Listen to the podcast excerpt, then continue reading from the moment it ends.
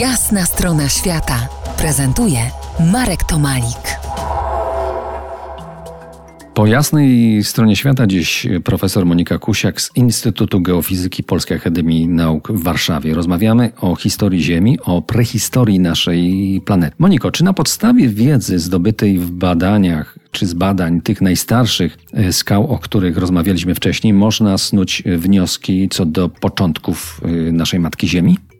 No tak i takie jest nasze założenie i tym się właśnie usiłujemy zająć. Będziemy próbowali sprawdzić, skorelować, jak się różniły geochemicznie, jakim, jak, w jaki sposób były od siebie inne lub podobne, te pojedyncze ziarenka cyrkonu właśnie w tych różnych odległych, bardzo odległych obecnie skałach. Niestety poza cyrkonem nie mamy zbyt wiele tutaj innych świadków tej historii naszej początkowej, więc dlatego stąd, z tego, z tego powodu będziemy musieli się skupić na tym moim ulubionym minerale. No właśnie, chyba niewiele albo wręcz nic nie wiemy o okresie zwanym wcześniej wymieniony przez Ciebie o Hadeiku, czyli o pierwszych 500 milionach lat Matki Ziemi. Czy możemy pospekulować o tak zwanym wielkim bombardowaniu?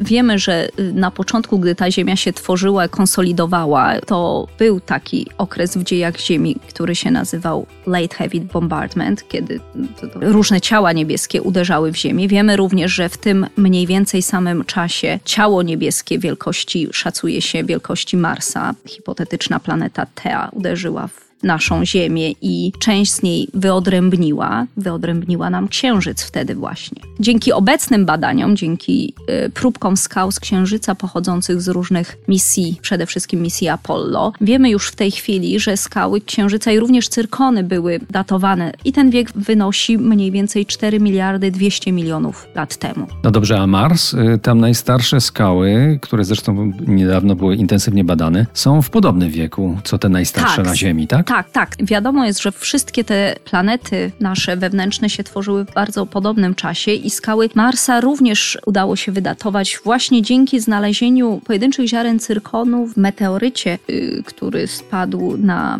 y, w okolicach Sahary, Black Beauty i ten wiek wynosi również mniej więcej 4 miliardy 300 milionów lat temu. Ja muszę powiedzieć właśnie tutaj, że uzyskałam pozwolenie od NASA i badam obecnie cyrkony, ziarna cyrkonów z misji Apollo 16 i badam je właśnie po tym kątem ich obecności nanokuleczek ołowiu. Czy zatem Ziemia i Mars to podobna historia? Zajmiemy się tą kwestią za kilkanaście minut dzielonych muzyką RMF Classic.